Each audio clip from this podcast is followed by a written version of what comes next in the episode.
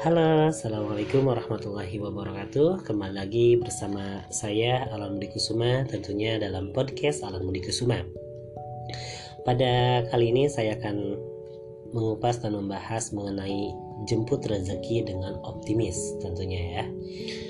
Orang yang optimis selalu bergairah menjemput rezeki dengan cara yang terbaik. Itu kutipan subtemanya Seorang karyawan pabrik elektronik, sebut saja Arif dipecat karena suatu kesalahan yang diperbuatnya. Namun Arif tidak mengerutu, marah-marah, kecewa, apalagi berputus asa atas nasib yang diterimanya. Ia menyadari kesalahannya. Ia bertekad memperbaiki kesalahannya dengan melakukan suatu sesuatu yang lebih baik lagi. Dengan berbekal uang pesangon, Arif membuka usaha bengkel kecil-kecilan. Singkat cerita, usaha bengkelnya berjalan lancar dan semakin berkembang. Seiring dengan semakin banyaknya pelanggan, Arif membuka cabang bengkelnya yang dikelola oleh anak sulungnya. Penghasilan Arif dari usaha bengkel berlipat-lipat lebih besar daripada gajinya sebagai karyawan pabrik dulu. Optimislah dalam menjemput rezeki. Jangan takut tidak kebagian rezeki karena karunia rezeki dari Allah itu begitu sangat berlimpah. Allah adalah Al-Wahhab dan Ar-Razzaq. Allah Al-Wahhab artinya Allah Maha Pemberi karunia kepada semua makhluknya tanpa diminta. Bukankah kita menerima nikmat yang begitu banyak dari Allah tanpa kita memintanya? Allah Ar-Razzaq berarti Allah Maha Pemberi rezeki kepada seluruh makhluknya. Allah telah menjamin rezeki setiap makhluknya, bahkan binatang melata pun telah dijamin rezekinya oleh Allah Subhanahu wa taala. Allah tidak pernah berhenti melakukan dan memberikan rezeki kepada makhluknya. Dia telah menciptakan jalan-jalan atau sebab-sebab bagi makhluknya untuk memperoleh rezekinya. Oleh karena itu manusia harus berikhtiar menjemputnya. Allah telah memberikan segenap potensi kepada manusia agar manu, agar mampu menjemput rezekinya. Jangankan manusia, binatang saja diberikan potensi kemampuan oleh Allah untuk menjemput rezekinya. Ayam misalnya, setiap pagi ia keluar kandang mengorek-ngorek tanah dengan cakarnya untuk menjemput rezeki. Sore hari ia pulang dalam keadaan perut kenyang.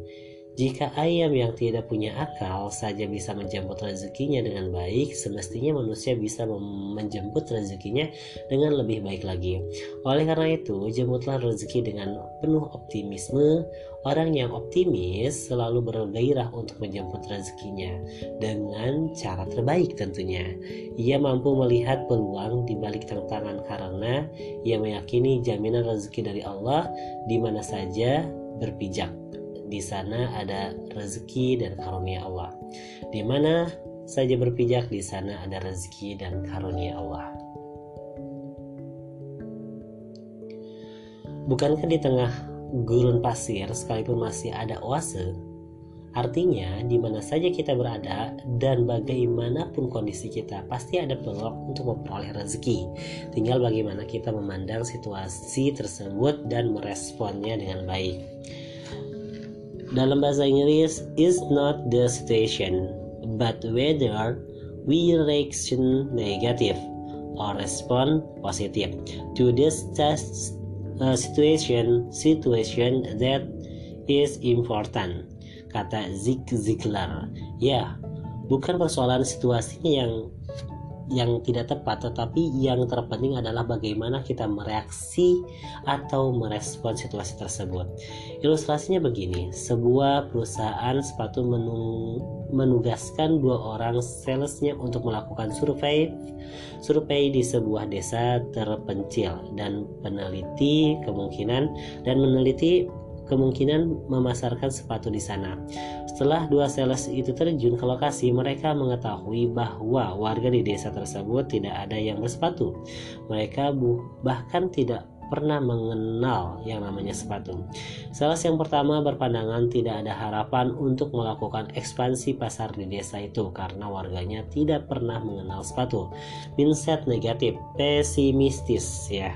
Sementara itu sales kedua berpandangan bahwa inilah pasar potensial yang baru. Belum ada warga yang mengenal dan memiliki sepatu. Ini berarti ada pasar yang besar sekali.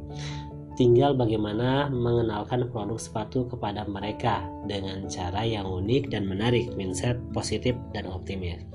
Kesimpulannya, cara pandang mindset menentukan sikap seseorang, cara pandangnya yang ber yang berbeda menimbulkan tindakan yang berbeda pula.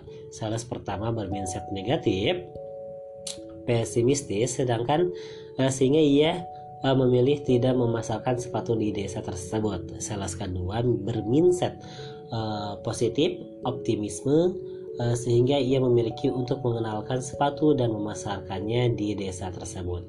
Demikianlah pentingnya optimisme dalam menjemput rezeki.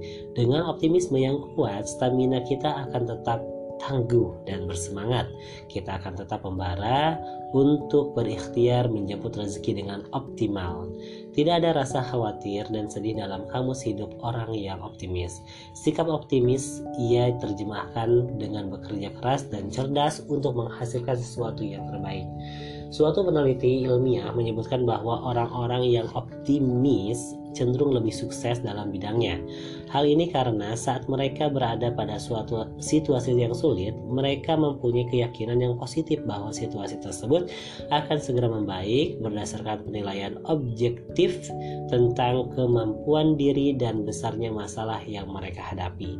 Ada tiga ciri orang optimis. Pertama, orang yang optimistis memandang kesulitan hidup layaknya sebuah garis datar dalam sebuah grafik.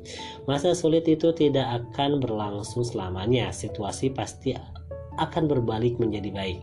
Mendung pasti berlalu dan berganti awan putih yang cerah. Mereka melihat kesulitan sebagai ujian menuju kesuksesan, bukan sebagai penderitaan. Kedua, mereka memandang kesulitan sebagai masalah yang situ situasional dan spesifik, bukan sebagai musibah yang tidak bisa dihindari akan dan akan berlangsung selamanya.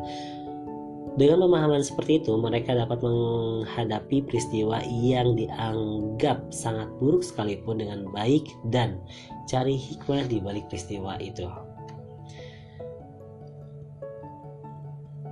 Ketiga, ketika menemui kesulitan, orang yang optimisme akan melakukan evaluasi secara internal dan eksternal. Mereka akan memperbaiki apa saja yang kita yang tidak berjalan sesuai dengan yang diharapkannya untuk memperoleh hasil yang lebih baik pada masa berikutnya. Dengan demikian, optimis setelah dalam menjemput rezeki. Dalam situasi yang paling sulit sekalipun, pasti ada jalan rezeki. Kita karena Allah tidak pernah berhenti menganugerahkan rezeki kepada makhluknya. Tinggal bagaimana kita mengacu diri menjadi lebih kreatif dan terampil dalam menjemput rezeki. Dengan demikian, urusan menjemput rezeki menjadi hal yang mudah dan menyenangkan. Boleh jadi kamu tidak menyukai sesuatu padahal itu sangat baik bagimu dan boleh jadi kamu menyukai sesuatu padahal itu tidak baik bagimu. Allah mengetahui sedangkan kamu tidak mengetahui. Wallahu a'lam bishawab. Quran surah Al-Baqarah uh, surat kedua ayat 216. Itulah yang dapat saya sampaikan kurang lebih Itulah yang dapat saya sampaikan kurang lebihnya. Saya mohon maaf. Terima kasih. Wassalamualaikum warahmatullahi wabarakatuh.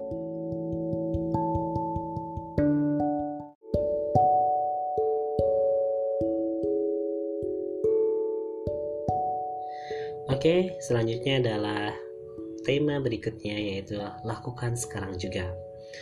Menunda pekerjaan yang bisa dilakukan hari ini adalah sebuah kebodohan biasa ya. Menunda pekerjaan yang bisa dilakukan hari ini adalah sebuah kebodohan. Di sebuah hutan ada seekor ulat sutra yang sedang melakukan kegiatan rutin membuat bahan dasar sutra. Tak lama kemudian seekor belalang melintas di depan ulat sutra itu.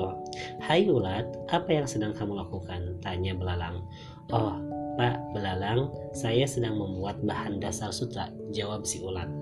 Setiap hari saya perhatikan kamu begitu telaten melakukan pekerjaanmu. Apakah kamu tidak merasa bosan dan capek? Tanya belalang lagi. Saya hanya melakukan apa yang semestinya saya lakukan. Tuhan menciptakan kita dengan memberikan peran dan tugas masing-masing dalam kehidupan ini.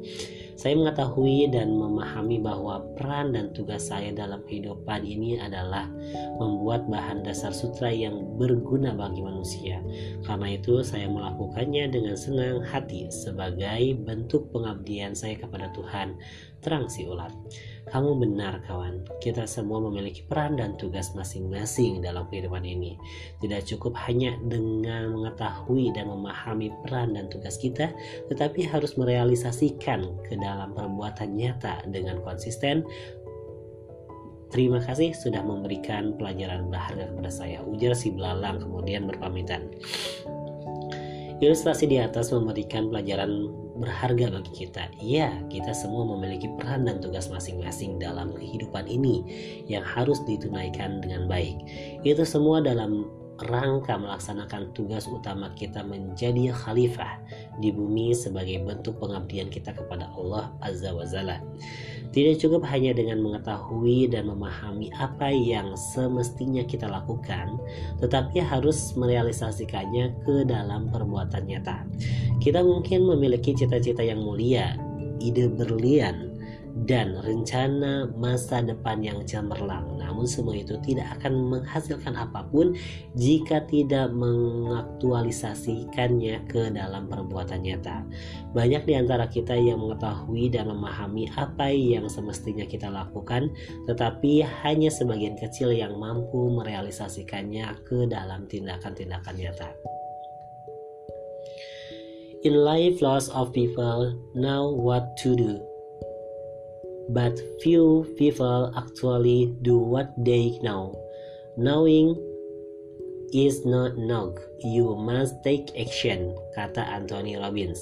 Ya, dalam kehidupan ini mayoritas manusia mengerti apa yang harus dilakukan, tetapi hanya sebagian kecil yang melaksanakannya. Apa yang mesti mereka lakukan? Mengerti saja tidak cukup. Anda harus melakukan melakukan tindakan nyata. Inilah yang membedakan hasil yang diperoleh. Jack Wells mengatakan bahwa yang terpenting bukanlah apa yang kita ketahui dan pahami, betapapun tingginya kecerdasan dan pengetahuan yang kita miliki, semua itu tidak akan memberikan cukup manfaat jika kita tidak merealisasikannya ke dalam perbuatan nyata.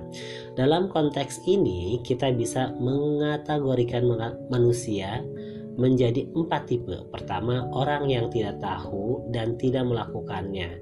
Orang tipe ini adalah mereka yang tidak mengetahui apa yang semestinya mereka lakukan dan tidak pernah mencoba melakukan sesuatu yang bermanfaat. Orang seperti ini adalah orang yang tidak memiliki tujuan hidup. Kehidupannya berjalan tanpa arah, hidup di jalanan ala kadarnya. Alhamdulillah. Hidup dijalaninya ala kadarnya dan tanpa gairah mereka tidak memiliki semangat dan tidak mau belajar dalam kehidupan. Tidak ada upaya menggali informasi dan menyerap pengetahuan. Inilah orang-orang yang gagal. Kedua, orang yang tahu tetapi tidak melakukan. Orang tipe ini adalah mereka yang suka mengumpulkan pengetahuan dan informasi dari sebagian sumber, namun tidak mengaktualisasikan apa yang diketahuinya. Itu. Jadi, uh, sebetulnya ia tahu apa yang semestinya dilakukan untuk meraih kesuksesan dan kebahagiaan serta memberikan yang terbaik dalam kehidupan ini tetapi dia tidak mau mengambil tindakan untuk merealisasikannya apa yang diketahui dan dipahaminya itu inilah orang-orang yang merugi ketiga orang yang tidak tahu tetapi mau melakukan Orang jenis ini adalah mereka yang mau mencoba melakukan sesuatu seperti yang diteorikan orang lain. Sebetulnya mereka tidak tahu dan tidak mengerti teorinya tetapi mau berusaha melakukannya. Tipe ketiga ini mungkin akan menemukan bermacam-macam kesulitan menghadapi berbagai tantangan dan rintangan. Bahkan harus melalui kegagalan demi kegagalan. Namun ia menyadari bahwa semua itu adalah proses yang harus dilewati sebagai pembelajaran dan dan pematangan mental. Keempat, orang yang tahu dan melakukannya. Inilah tipe manusia yang ideal. Orang tipe ini adalah mereka yang mengetahui sebagai pengetahuan dan informasi, kemudian merealisasikannya ke dalam tindakan nyata. Mereka mengetahui dan memahami apa yang semestinya dilakukan untuk meng menganggapi kesuksesan dan kebahagiaan serta memberikan kontribusi terbaik dalam kehidupan ini. Mereka adalah orang-orang yang bermental mantap dan man dan matang ya karena uh, tertempa oleh serangkaian ujian, rintangan, dan masalah kehidupan serta mampu menyelesaikannya dengan baik. Mereka adalah orang yang optimis, gigih, dan ulet, memiliki visi masa depan sekaligus berani melangkah. Inilah orang-orang sukses. Mereka mampu melaksanakan tugas dan perannya masing-masing serta memberikan kontribusi positif dan dalam kehidupan untuk memenuhi tugas utama sebagai khalifah di bumi. Ingatlah ketika Tuhanmu berfirman kepada Marai kepada para malaikat sesungguhnya aku hendak menjadikan seorang khalifah di bumi Mereka para malaikat berkata, "Mengapa engkau hendak menjadikan khalifah di bumi itu orang yang akan membuat kerusakan padanya dan menumpahkan darah?" Padahal kami senantiasa bertasbih dengan memuji engkau dan mensucikan engkau. Allah berfirman sesungguhnya aku mengetahui apa yang tidak kamu ketahui. Quran Surat Al-Baqarah surat kedua ayat ke-30. Masya Allah tabarakallah. Mungkin itu saja yang dapat saya sampaikan. Kurang lebihnya saya mohon maaf wabil wabil wabil watab masya Allah tabarakallah. Wassalamualaikum warahmatullahi wabarakatuh